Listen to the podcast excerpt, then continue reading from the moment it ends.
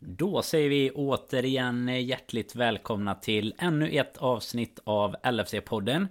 Idag har vi gett Robin Bylund lite landslagsledigt så det är jag, Daniel Forsell och Fredrik Eidefors som ja men dels ska snacka upp matchen emot Leeds Dels kanske då prata lite om de här landskamperna som har varit och, och allt eh, kring det och eh, kanske en liten sväng även ner kring eh, nej men det kontraktet som vi egentligen alla hoppas ska signeras nämligen Mohamed Salas. Det är ju en av få spelare känns det som som inte har förnyat sitt kontrakt här under sommaren men vi gör ju i vanlig det ordning detta tillsammans med LFC.se där du finner den svenska officiella supporterklubben och nu närmar det sig faktiskt både supporterträff Stockholm och supporterträff Syd så mycket händer på LFC.se det är ju här i mitten och slutet av september som vi äntligen kan dra igång lite träffar igen så om du inte redan har säkrat dig en biljett så håll till godo. Det kan komma upp lite ströbiljetter även här under de sista dagarna. Men eh, har du redan säkrat dig en biljett så är det egentligen bara att gratulera. För det kommer bli fantastiskt att få se fotboll igen med likasinnade. Och Annars så är det bara att gå in på lfc.se och eh, fixa sig ett medlemskap för att inte missa de här träffarna och givetvis mycket, mycket annat framöver. Men nu tycker jag att ni ska sätta er till rätta och eh, helt enkelt lyssna in ett nytt avsnitt av LFC-podden.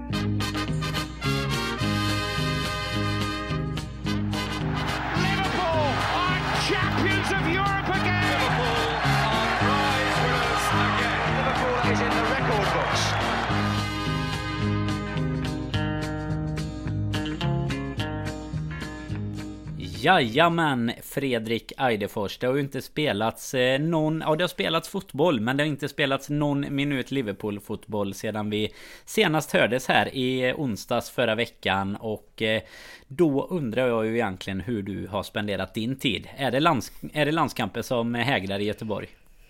Eh, nej, det kan jag väl inte direkt påstå. Det har ju varit... Eh, vi kommer väl komma in på det men ett ganska hektiskt eh, landslagsuppehåll ändå. Eh, och då baserar det inte bara på eh, spelat fotboll eller fotbollsmatcher som har spelats utan det har hänt en hel del saker kring kring lagen och vissa av Liverpool-spelarna såklart som vi får diskutera lite. Vi har ju alltid med Keita, vi har brassarna som inte fick spela heller och det är ju herregud, det är inte bara fotboll, det är ju politik inblandat också men nu är inte vi politi politiskt insatta på det sättet här utan nu pratar vi ju oftast fotboll. Jag tror det är det du och jag är bäst på men eh, ja, det finns en hel del att prata om och eh, man har nästan eh, Ja, nej, det finns så extremt mycket att prata om till och med. Jag vet inte vart vi ska börja riktigt. Nej, men alltså vi, som du säger, vi är ju kanske inte politiker i den eh, bemärkelsen så vi kanske inte ska säga alldeles för mycket om den eh, påstådda statskuppen i eh, Guinea och innan det har liksom kommit mer nyheter kring den så kanske inte du eller jag ska... Vad har du kring Guineas president? Nej, jag har ju tyvärr inte så mycket. Annars har man ju rätt bra koll på de flesta länderna där nere. Men just Guinea trodde man ju var lugnare än så här helt enkelt. Men det, det ironiska i det givetvis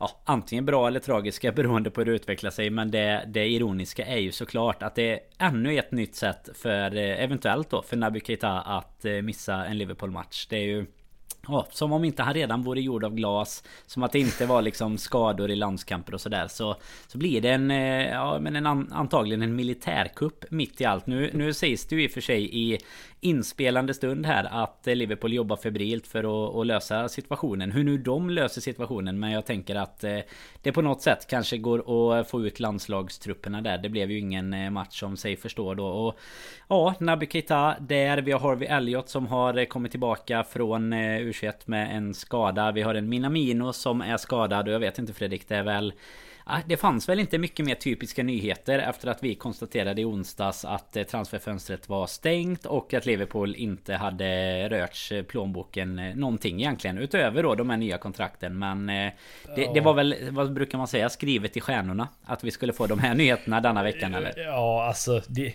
vi, vi satt ju här bara för några veckor sedan och pratade om hur vi det blir en annan säsong nu Danne. Det är inte massa skador. Det finns ju inte en chans att vi kommer liksom att det blir likadant. Och ja, än så länge har vi väl ingen som har en eh, eh ja, det, det, som är borta säsongen ut. Men eh, det börjar ju inte så här jätteskönt. Och det är ju framförallt på Ja, som tur är då att säga och det här är ju med respekt för alla spelare att det är ju inte van Dijk, det är ju inte Salah eller Alisson som, som är borta hittills. Utan det, det är ju spelare som vi känns som att vi ändå kan på något sätt eh, ersätta någorlunda. Men eh, som du säger också så stängde ju fönstret. Det blev ju bara en bara så jag en Konate och inte mer än så. Men eh, det kanske blir dyrt nu när Ja, vi får betala för det helt enkelt att vi får lite spelare borta här nu men eh, som tur är så verkar det ju inte som att de här spelarna är borta hur länge som helst och det är väl egentligen det enda som talar lite gott för att, vi, att de snart är tillbaka och det är, det är väl bara Firmino vi inte har hört så jättemycket om va? Mm.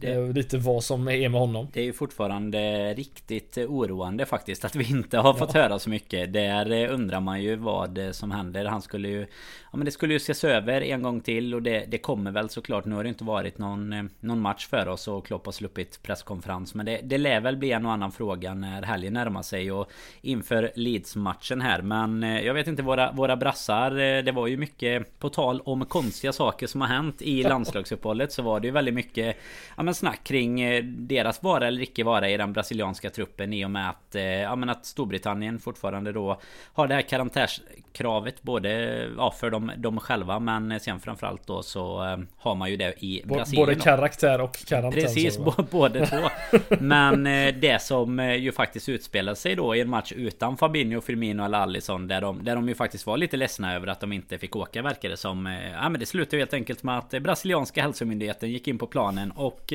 Ja men ville deportera som översättningen så fint heter det egentligen ju Buendia, Martinez, det var väl Lo Celso och Lo Romero också, ja.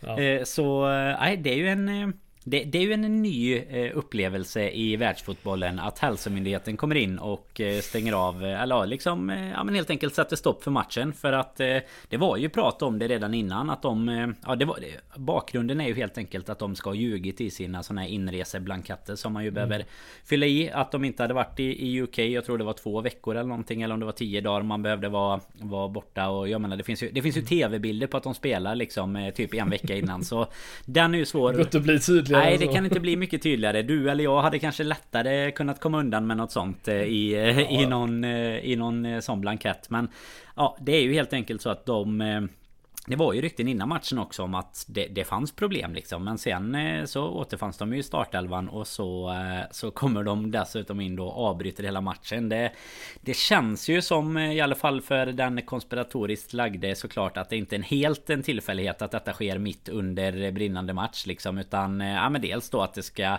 ska kanske få lite följder sen såklart. Då undrar man ju lite vad som hade hänt om nu spelarna som hade representerat Brasilien hade släppts på samma sätt. Då hade det kanske inte varit så svårt mm. att göra lite undantag och sådär. Man får ju som sagt vara mm. lite konspiratorisk i, i dessa tider. Men Alltså skador i all ära eller vad ska man säga Men militärkupper och hälsomyndigheter Fredrik som avbryter matcher Det Det är en ny typ av landslagsuppehåll eh, känns det som Ja det, slå, det bara slår rekord efter rekord där Men det, det är ju helt sjukt egentligen Som jag sa det, det är ju kanske en av de, vad jag vill minnas i alla fall, de mest liksom händelserika landslagsuppehållen på väldigt många sätt om vi säger så. Och det, är, ja, verkar ju dessutom som då Los Celso och eh, Romero från eh, Argentina där eh, hade liksom, de har inte ens tillåtelse från Spurs att åka. De hade liksom, ja, de ser ut att dessutom få eh, bli, bli ja, bötfällda av klubben för, för att de åkte dit också. Det, jag vet inte riktigt varför de, man, man, gör på det sättet. Men det är klart, när det är en sån match så vill man väl spela den. Det är mycket som står på spel, men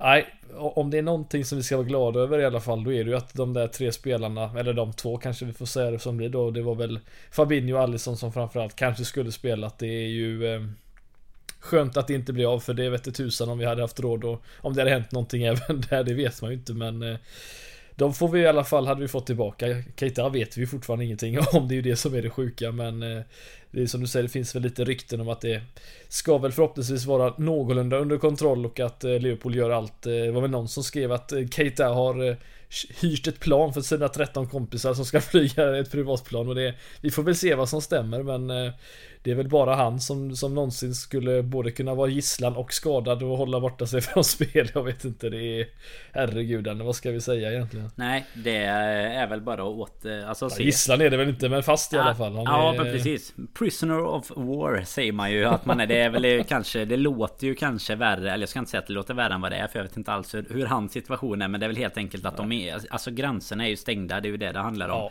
så ja. sett, han, han sitter nog inte just nu i alla fall i någon... Eh, Ja, i, i, i något fängelse eller vad, vad, man ska säga. Men alltså det är ju... Nej, det hoppas vi ju verkligen Nej. inte att han gör. Det är, han, han, har, han har lidit eh, lite för mycket tycker jag som fotbollsspelare. Du ska inte behöva bli gisslan eh, av någon anledning. Det sägs väl, det, det sades ju i alla fall under dagen här tidigare nu eh, att de, de liksom Liverpool och, och Keita är i kontakt som du säger och att mm. de liksom är confident att det är lugnt för honom. Men problemet är ju såklart att gränserna är stängda och en ja, men så pass politisk instabil situation så kan ju såklart mycket, mycket saker hända. Men vi gick ju förbi det snabbt utan att bli för långrandiga kring själva militärkuppen. Det är väl ämne för, för en annan podd helt enkelt. Jag vet inte om det finns någon Guinea-podd men annars kanske du och jag drar igång en här i, under kvällen. Sido, ett sidohassel för ja, oss. Ja, lilla Guinea-podden. Det är inte helt fel. Men jag, jag såg faktiskt någon som lite snabbt hade gjort en liten lista du vet på man, ja men egentligen truppbredden och sådär. Och jag menar det Eh, ja, nu, jag kan ju säga så här, det går ju ganska fort eh,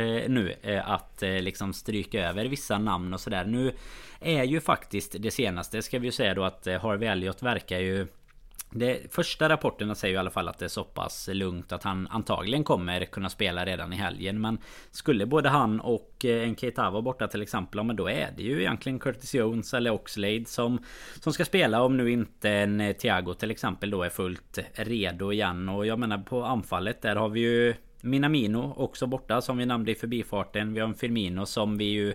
Ja men det, det, känns ju som att man kan räkna med att han kommer vara borta ett tag. Bara på grund av hur, hur tyst det är kring det.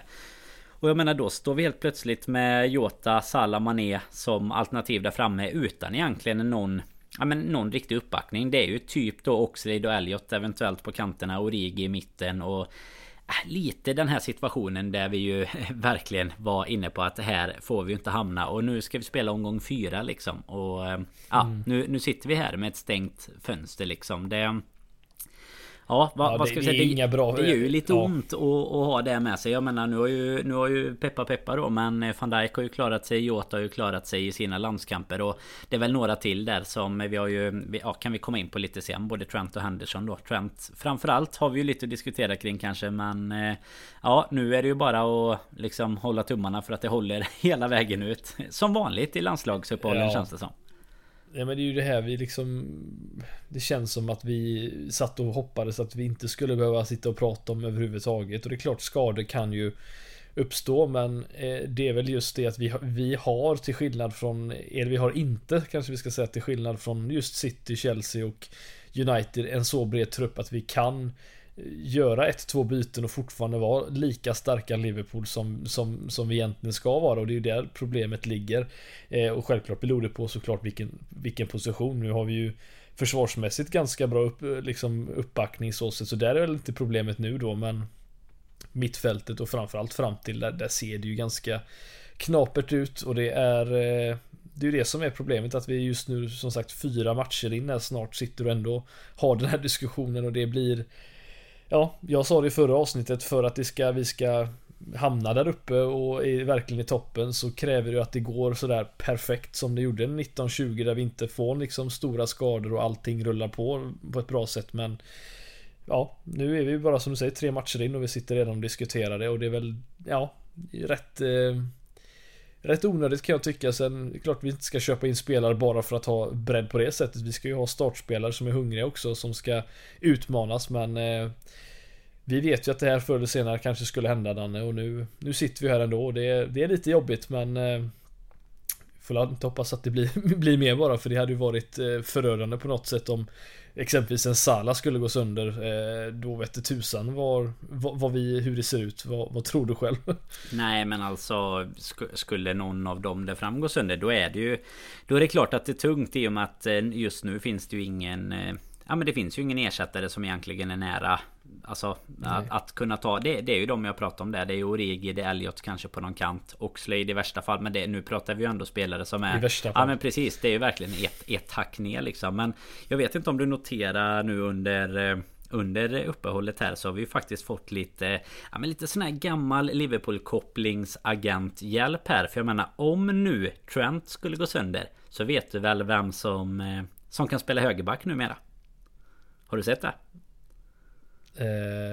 Nej. Vi har ju eh, Steve Clark, den gamle gode andre tränaren i Skottland som eh, ju faktiskt spelade Robertson som högerback i en match här ja, i veckan. Ja just det ja, ja, Det har du säkert, Danmark, det har, du, har du säkert sett eh, nu när jag säger det. Eller det, det kanske Ja. kommer upp något och det var ju så här hela Twitterflödet bara blev fullt helt plötsligt av så här What the fuck am I watching liksom. Alltså så här, han satte Robertson på högerback men det är väl bara för Klopp att tacka och ta emot så har vi en ersättare även på, på den kanten om nu inte Neco Williams hålla samma högerfot? Absolut. Då taget. Baserat då på eh, de tidigare insatserna som han har försökt göra med sin höger som han ju gärna undviker att använda så skulle jag väl säga att eh, då har han tränat upp den väldigt väldigt fort i så fall om han skulle, om han skulle ha det. Nej men annars, Ja, eh, annars är det väl egentligen bara att som sagt hålla tummarna för att vi på något sätt då kan hålla oss skadefria de vi har kvar såklart. Sen är det ju Detta hade ju varit ett Alltså hade vi haft en spelare till två Alltså det, det är klart att det hade varit ett problem ändå. Nu vet man inte riktigt hur allvarliga alla skador är Men Det är ju tråkigt att behöva sitta här och konstatera i alla fall Att precis det som framförallt de eh, Ja men liksom största kritikerna mot FSG för den delen Men även liksom för hela inaktiviteten i transferfönstret eh, Ja men de får ju Ännu mer vatten på sin kvarn här. Och nu Nu ska ju 90 minuter plus spelas först mot Leeds och eh, ja men sedermera de andra matcherna som kommer också Innan man eh, helt kan, kan liksom räkna bort något. Men Det är ju på förhand i alla fall ett lite tuffare utgångsläge och jag menar det, det är som du säger det räcker med med någon skada och man märker ju att det kan gå Ja men kan gå ganska fort och ja, sen är det väl Lite andra situationer som ska redas med. För det är ju som sagt eh, Även om vi inte hade ett eh, fönster som bjöd på några större överraskningar Så fick vi en hel del kontraktsförnyelse och du eh, Mm, du nämnde ju Mohamed Salah där vad som skulle hända om han går sönder. Men Frågan är ju även Fredrik vad, vad vi har på hans kontraktssituation egentligen. Det, det började ju förra veckan att ryktas om att han kräver en ja, men lite mer än en fördubbling av sin lön egentligen. Pratades om 500 000 pund i veckan. Det är, eh, det är en lön det också. Sen, eh, sen så pratades det ju faktiskt ner lite här under helgen att eh, det där inte ska stämma. Och det, det sades väl inga kanske direkta slutgiltiga siffror på det sättet om exakt vad diskussionen har gått kring. Men i alla fall att det inte riktigt ska vara så, så högt. Men eh, ja, jag vet ju att jag och Robin nämnde det i förbifarten i ett avsnitt när vi, när vi pratade vilka kontraktsförlängningar som är viktiga att titta på nu egentligen. Så vi, vi kan väl egentligen börja med din åsikt där Fredrik. Alltså 500 000 pund i veckan. Dels då är han värd det. Eh, vart bör han kanske ligga och hur stor skillnad kan man egentligen ha i ett lag om man säger så. Alltså utan att det blir ja, interna problem om man nu säger så.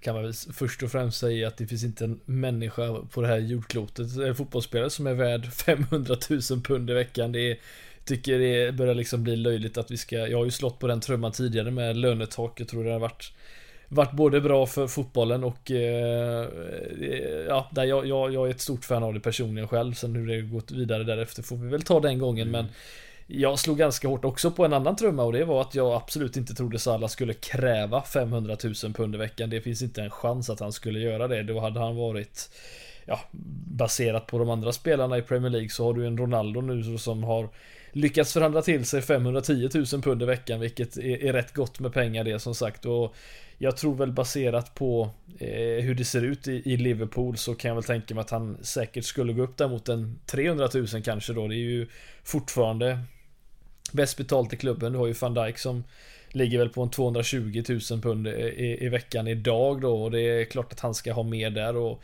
i Premier League så är det ju inte många spelare som ska ha mer pengar än honom egentligen men jag tror också, och vi får se om du tror samma som mig, men klubben har väl egentligen fastställt ganska tydligt att Visst, du kommer få en löneförhöjning om du skriver på, men vi kan ju inte liksom bara slänga ut hur mycket pengar som helst. Det, det går inte att göra det. Ehm, och om det är någonting jag har lärt oss om Liverpool så är det ju att vi är ju inte ett, en spelare, det är ju ett lag och de här, den här stommen som har skrivit på nu har ju Tjänar väl ungefär samma pengar och det tycker jag ändå känns ganska rimligt om Salah skulle hålla sig något däröver såklart, men mm. nej, en halv, eller ja, fem miljoner eller vad det nu är i, i veckan, det, det kommer han ju inte få, det är jag nästan Eh, Eh, ganska säker på. Nej men du är inne på något där. Alltså det är väl just det här med lönestruktur och sånt. Man har ju lärt sig lite kring Kring FSGs sätt att tänka i de lägena såklart. Och det, det känns väl lite konstigt att han skulle gå upp och vara liksom dubbelt så, så bra betalt som vara näst bästa. Men sen eh, är du ju också inne på ett spår där som är lite svårt och ja, men kanske ta ställning till helt nyktert. För det är ju faktiskt så att det är inte många fler som bör betalas bättre om man nu ska, ska liksom ha lön efter prestation om man säger så. Jag menar Ronaldo är ju kanske ett unikum på det sättet att han kommer ju Alltså det, det, är ju för en, kanske max två säsonger. Nu vet jag inte, nu kommer han väl säkert fortsätta. Och som, som Zlatan liksom, bara för det, bara för det. Det är fysiska praktexemplar som han är så sett. Men alltså, han kommer ju ändå med en helt annan typ av liksom, ja men både status i klubben. Han kommer mm. ju verkligen som någon sorts eh, Jesus savior liksom till eh, det, det, här laget nu känns det som. Och alltså, ja, att han, jag menar Salah har väl också en av sina sista chanser till att förhandla sig till ett riktigt, riktigt bra sista kontrakt. Men, men Ronaldo har ju det verkligen. Han kom ju in som 36-åring liksom. Och det är inte många 36-åringar som hade kunnat eh, göra det. Det är väl möjligtvis då eh, han och eh, Zlatan för, för tre år sedan och kanske Messi om ett par år om han håller i sin snabbhet egentligen. Men annars är det ju svårt att se också tycker jag att de skulle... Ja men att de skulle liksom spräcka hela det det sättet som de har byggt den här strukturen på. Och sen om jag egentligen tycker att det är rätt eller inte beroende på vad som hade krävts för att hålla honom kvar om man säger så. Om det nu hade varit så att det, att det var något sorts krav så tycker jag den frågan är lite svårare att ta ställning till. För jag hade ju inte velat sälja Sala eller bli av med honom bara för att man inte kom överens om en, om en lön heller. Men eh, lite på samma spår. Det finns ingen som kan köpa honom. Nej, framförallt inte. Jag har svårt att se ja, det. men framförallt inte i, i då kanske om, om du då både ska köpa honom dyrt och sen, eh, sen med den eh, lönen. Det får väl vara Ja, det, det, det, krävs ju de som har eh, oljepengar eller eh, ryska oligarkfickor att mm. gräva i helt enkelt eh, om det skulle vara så. Då, men då tror jag inte heller... Alltså vi har sagt det här hur många gånger som helst men liksom för all respekt för Sala och de siffrorna och liksom hur många hattar vi inte än kan lyfta mer på om man säger så. Men jag tror inte att han Han har ju inte samma status som en Ronaldo, en Messi och alltså den typen av spelare tror jag inte så att jag har också svårt att se att till exempel typ PSG skulle se det som en profilvärvning på samma sätt som man ser Messi liksom. Alltså det är ju Det är ju där också det är svårt att se att någon skulle punga upp de enorma summorna för honom sen. Men eh, ja, vi, eh, vi får väl se. Fortsättning följer i, i kontraktsfrågan där.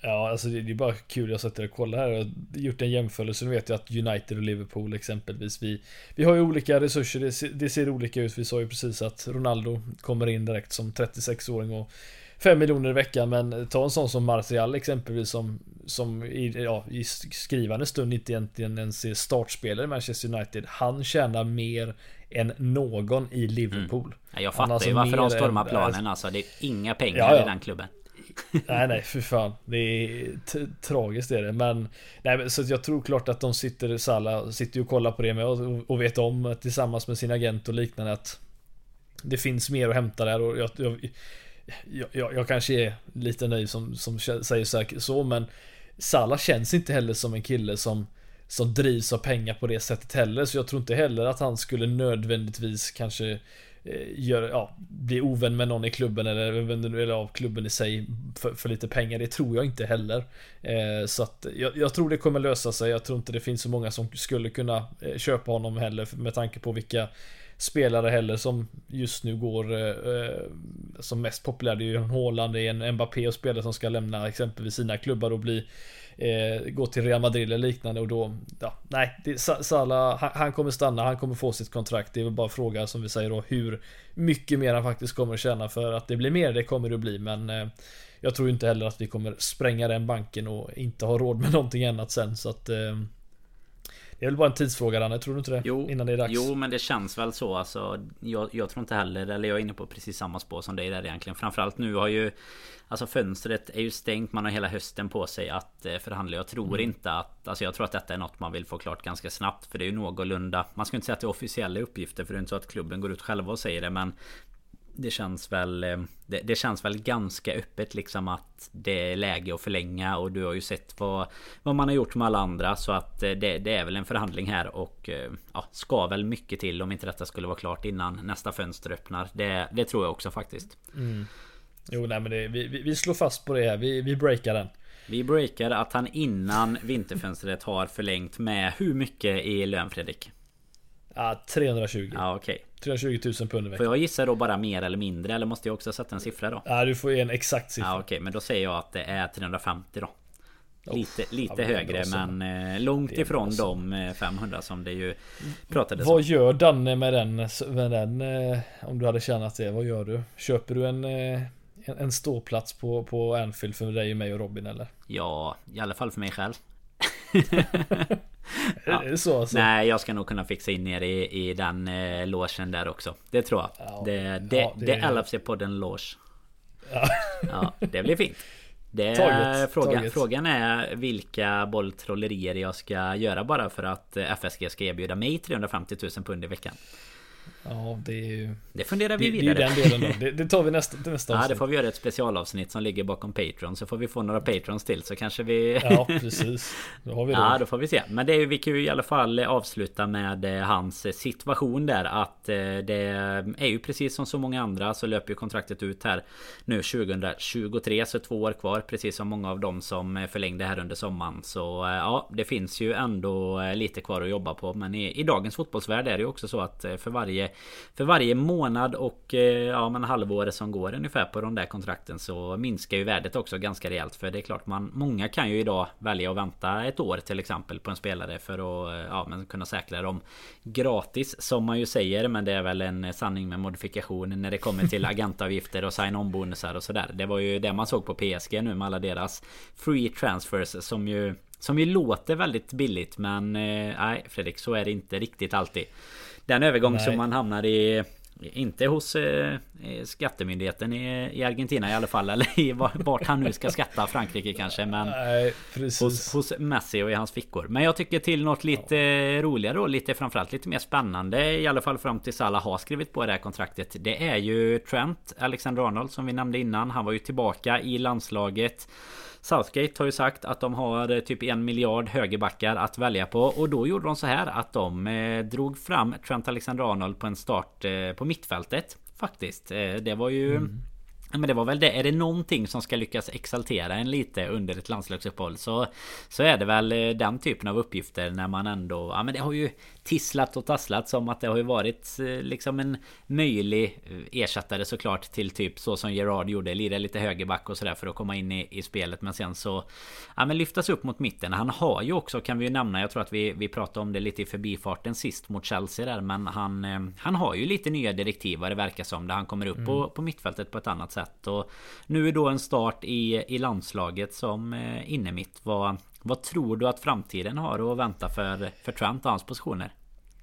Alltså, jag tycker att han ska hålla sig ute på kanten. Eh, alternativt då med den här nya direktiven vi, eh, som, som nämnde. Vi har ju, såg, så har ju sett under säsongen här att det har blivit att han har flyttat fram lite, framförallt in lite, vilket har skapat väldigt mycket bra eh, rörelsemönster både för Salah och Elliot exempelvis på den här högra sidan som har spelat eh, de, någon match där också. Det jag gillar honom där. Han har ju framförallt skapat en jäkla massa målchanser. Han har ju skapat, eh, skapat flest målchanser i Premier League hittills. Och det, det är ju ett tecken också på att han har eh, Eh, ja, fått en annan roll och fått möjligheten att, att träda in lite på ett annat sätt och, och få lite mer boll. Eh, som inte bara innebär att han kan slå lite crosspassningar utan det blir exempelvis som den helt magnifika passningen som gick fram till Manés eh, mål där mot Burnley exempelvis. Och det är det är ju så vi vill, jag vill använda honom, få honom lite mer involverad och eh, Antingen så har Klopp sett eh, Pep Guardiola hantera Filip Lam en gång i tiden eller så hittar han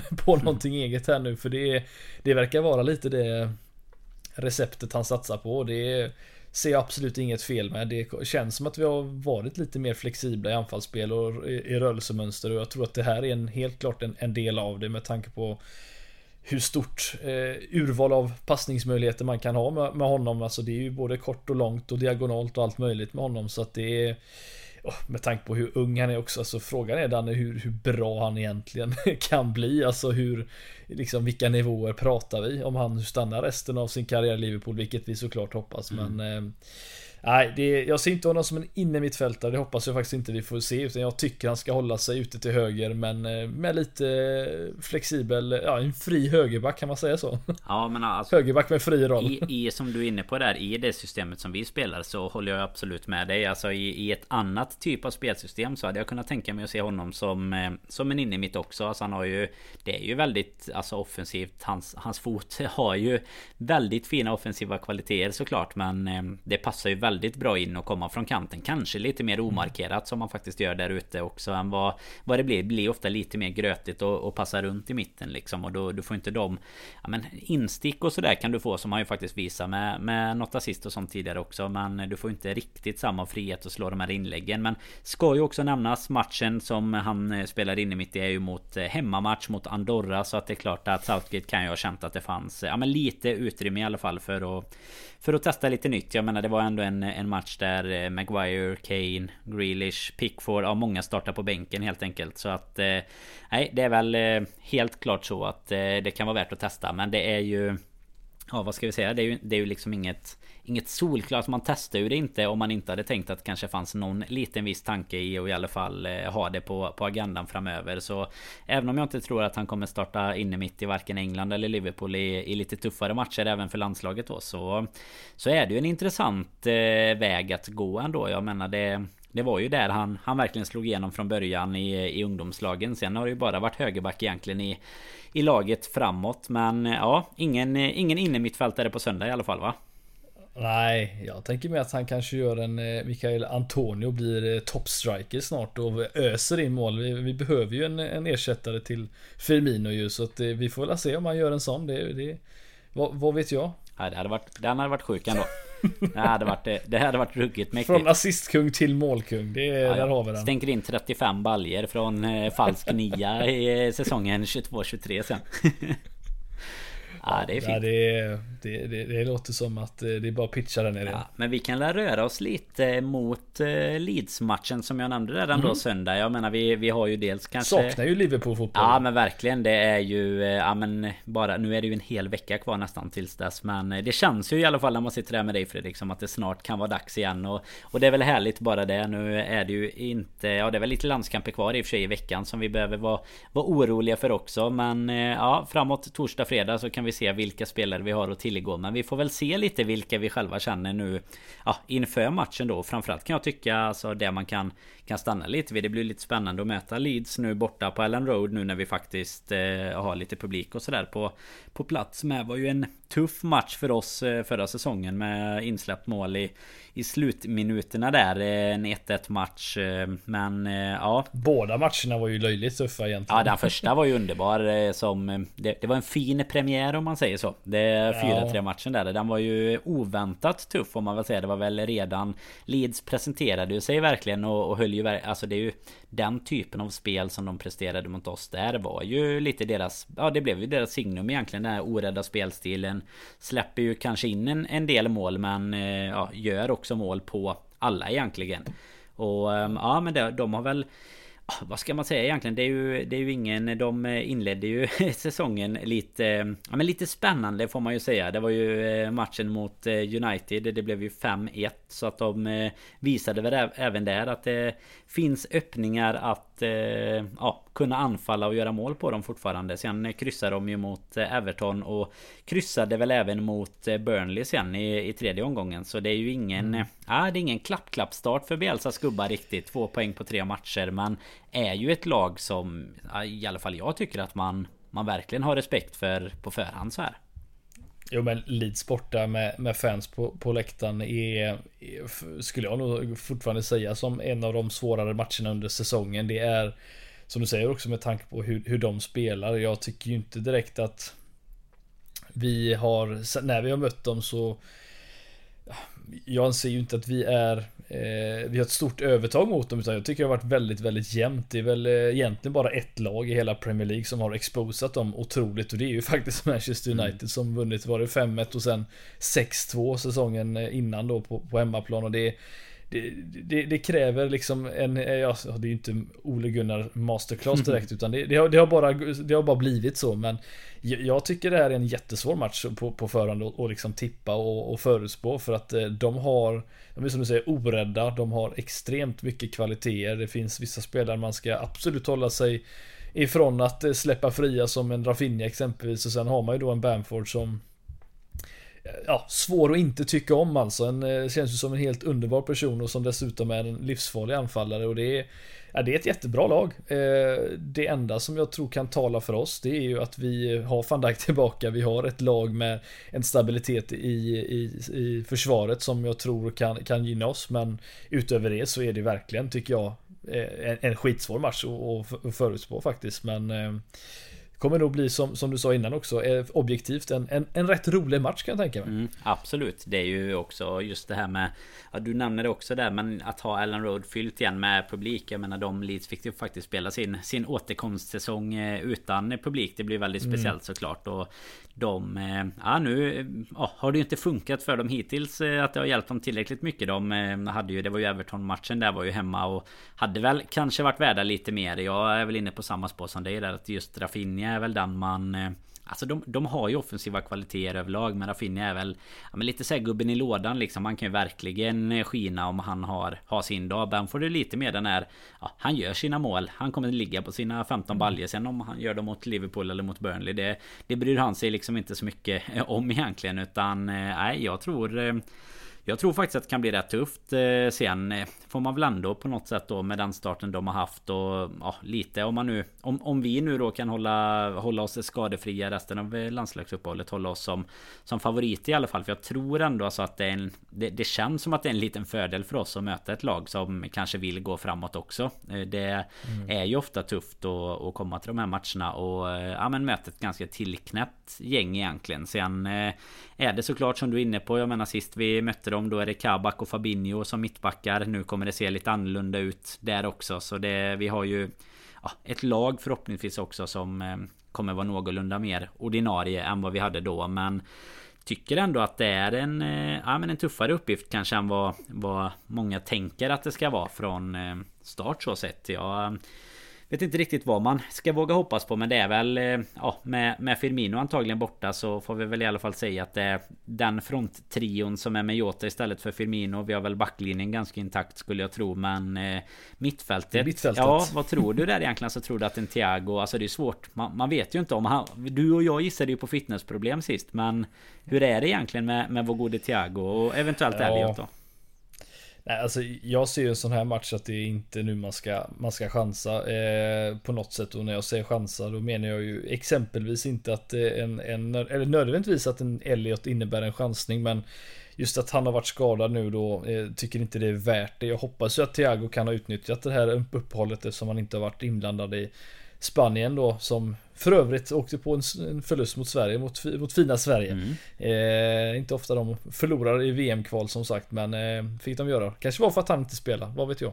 Men, eh, nej, men jag, jag, ser ju att exempelvis ett mittfält hade ju varit väldigt trevligt med en eh, Henderson, Thiago och Fabinho mot, eh, mot, mot ett eh, mot ett Leeds framförallt. Alltså Fabinho är ju verkligen den enda jag, jag, jag vill liksom ställa ut. Sen får nästan vara vem som helst vid sidan om. Men så länge han spelar så känner jag mig relativt trygg i alla fall. Men eh, ah, sätta in en ox liksom en sån här match. Det, det känns ju extremt eh, det är ju chansning om någonting eller riskera. Eh, jag tycker inte alls att han eh, kommer in i det bra och eh, jag vet inte vad är status på Curtis Jones egentligen efter den huvudskada han drog på sig för säsongen. Hur Men han ska vara igång i alla fall. Jag såg faktiskt lite träningsbilder idag på Twitter mm. nu från landskampen när han gjorde något jäkla snyggt mål. Så ja, det, det verkar ju i alla fall som att han, han är igång igen. Men sen undrar man ju lite hur han däremot står i hierarkin också. För det är ja. ju faktiskt så en, en Harvey Elliot som uppenbarligen då har tagit sig förbi honom Eh, ja, så, så undrar man ju lite hur det är mellan han och Oxlade egentligen. Och, ja, och kanske då Thiago om han nu inte... Om, om det inte är något fitnessrelaterat som sagt där.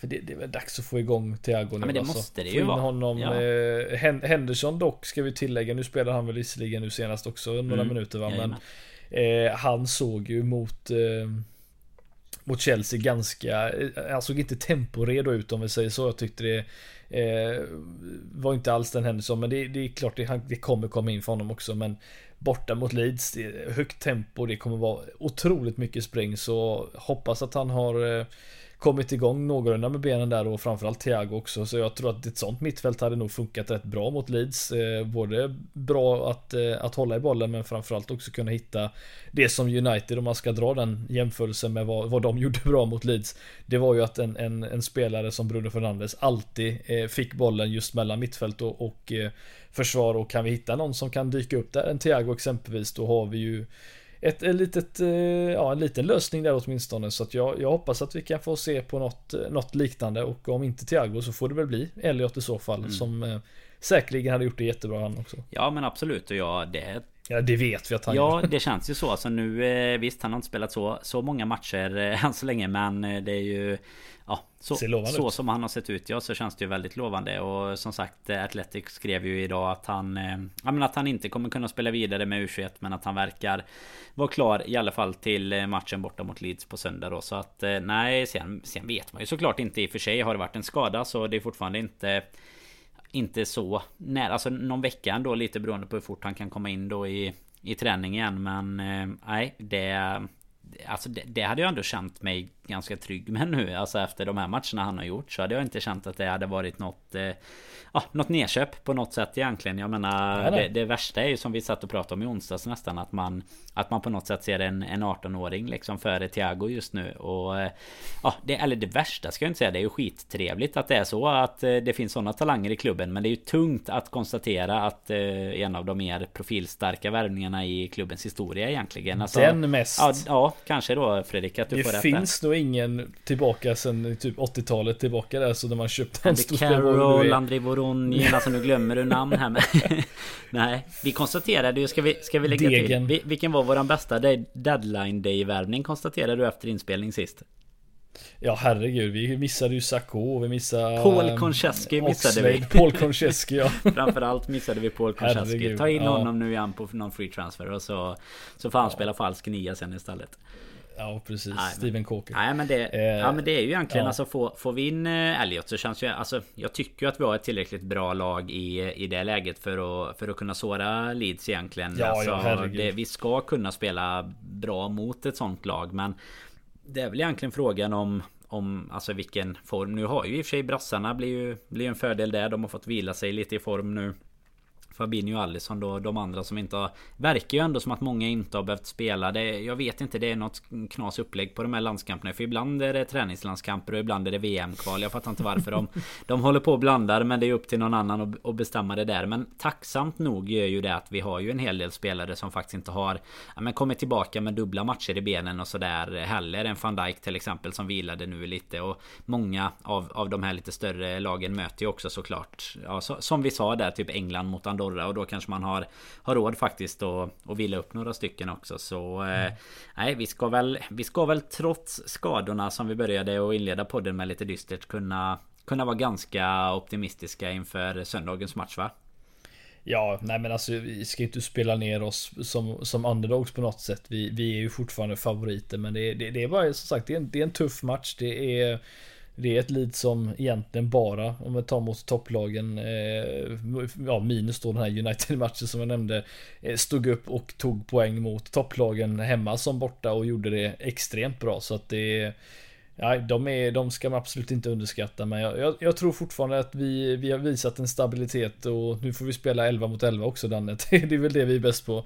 Eh, som, som, eh, och skapa de lägena så att jag, jag, tror inte det är några problem men eh, Håll ett öga säger jag bara. Det är väl egentligen det enda. Mm, absolut. Här i, i avslutande minuter av podden med kan jag ju konstatera att det är lite breaking news här mitt under, eh, under alltihopa. Så eh, verkar det ju som att eh, bortasupportrar kommer tillåtas i Champions League och Europaspelet här i nu under eh, hösten och eh, framåt sen. Det är ju, ska jag ju inte säga alldeles för mycket om att alla källor är alldeles helt säkra än. Men det, det är ändå ganska stora konton som rapporterar om det. Det är FSE Football Supporter Europe som bekräftar FSG, FSG som bekräftar att de vill ha in pengar via bortafans Nej, nej men att både Champions League, Europa League och Conference Att det ska tillåtas bortasupportrar då Det är faktiskt På tal om landslag vet jag att det är många Många landskamper där det krävs typ pass från det landet matchen spelas i och sådär För att För att kunna komma in på arenorna Så det, det mm. ställer ju fortfarande till det där ute Men ja vi inleder ju 15 september mot Milan hemma då i och för sig Men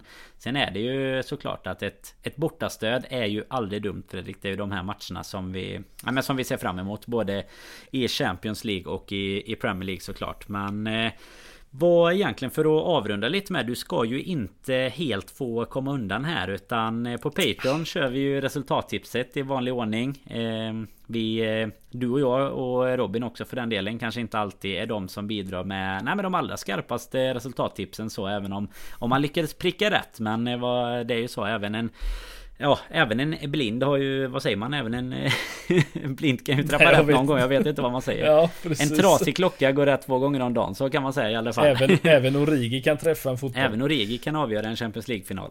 Det ja, säger ju, då, då kan till och med du och jag tippa rätt emellanåt. Så är det. Om du skulle gissa eh, Liverpool bortalag på eh, Allen Road på söndag, vad känner du då? Eh, jag tror det blir målrikt 2-2. Ja, du tror ändå på ett kryss där. Ja det tror jag. Jag tror också att det kommer bli målrikt men jag tror nog på 2-4 Det har jag nog aldrig tippat eh, tidigare i hela poddens historia. Jag tror Det är ett extremt. Vad, vad, har vi för 2-4 vinster? Vi har United eh, borta förra säsongen. Vad har vi? Det är väl 2-4 Ja men det är fasen frågan. Du, Där satte du mig på pottkanten. Får säga när, när jag ska lägga upp 4-2 eh, segrar här Ja, Arsenal hemma Champions League 07-08 eh, När Babel. Eh, eh, joggar förbi Fabregas och lägger in den förbi Almunia Ja det stämmer Där har vi en 4-2 eh, Vad har vi mer? Kanske inte är så jättemånga Nej det känns, det känns ju inte som att det är det, det är vanligaste. ett ovanligt resultat Ja men precis och det är därför det kommer vara bra att sticka ut här på Patreon nu med att sätta en 2-4 För jag, jag brukar inte se det där så ofta heller tror jag inte. Men Där blir man ju helt enkelt bara medlem. Det är patreon.com slash LFC-podden Går in där, registrerar sig och sen så kan man vara med i våra tävlingar. Vi, vi kör ju bland annat lite fantasy-tävlingar och, och sådär också Men eh, Framförallt då tröjor och annat kul från Sam Dodds till eh, varje match. Och 2-2 eller 2-4 Det är ju, låter ju som två helt otroliga stalltips härifrån panelen. Det kan man ju tänka sig då att man kanske inte ska tippa på något av dem. Men eh, nej, vi får väl se Fredrik. 2-2 är lite Jag tycker att det är lite deppigt att du Du är lite pessimistisk här inför poängtapp. Ja, du, du, det är bara för att du börjar prata om alla dessa jävla skador i början av avsnittet. Jag har inte, jag har inte fått av att Keita inte är hemma. Jag Nej vi får ju hoppas att vi slipper fler militärkupper här under landslagsuppehållet i alla fall. Det, det får räcka med att vi får se vad som eh, händer där. Det har i alla fall inte ja. kommit något under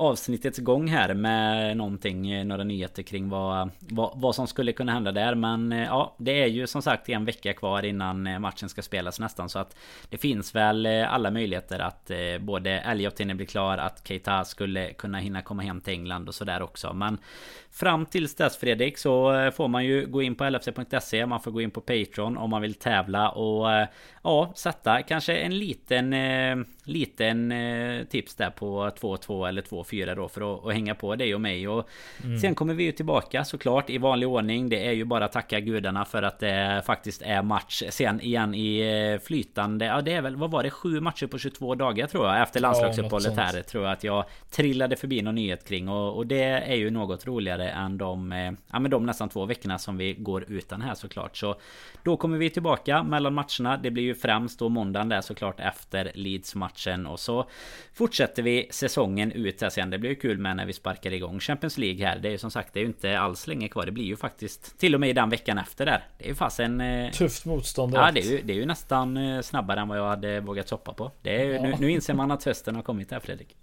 Ja precis. Det börjar bli mörkt. Så. Ja men verkligen. Inte i, i Borås här skiner alltid solen. Natt som dag dock. Men eh, det, det vet ju du som bor här så nära.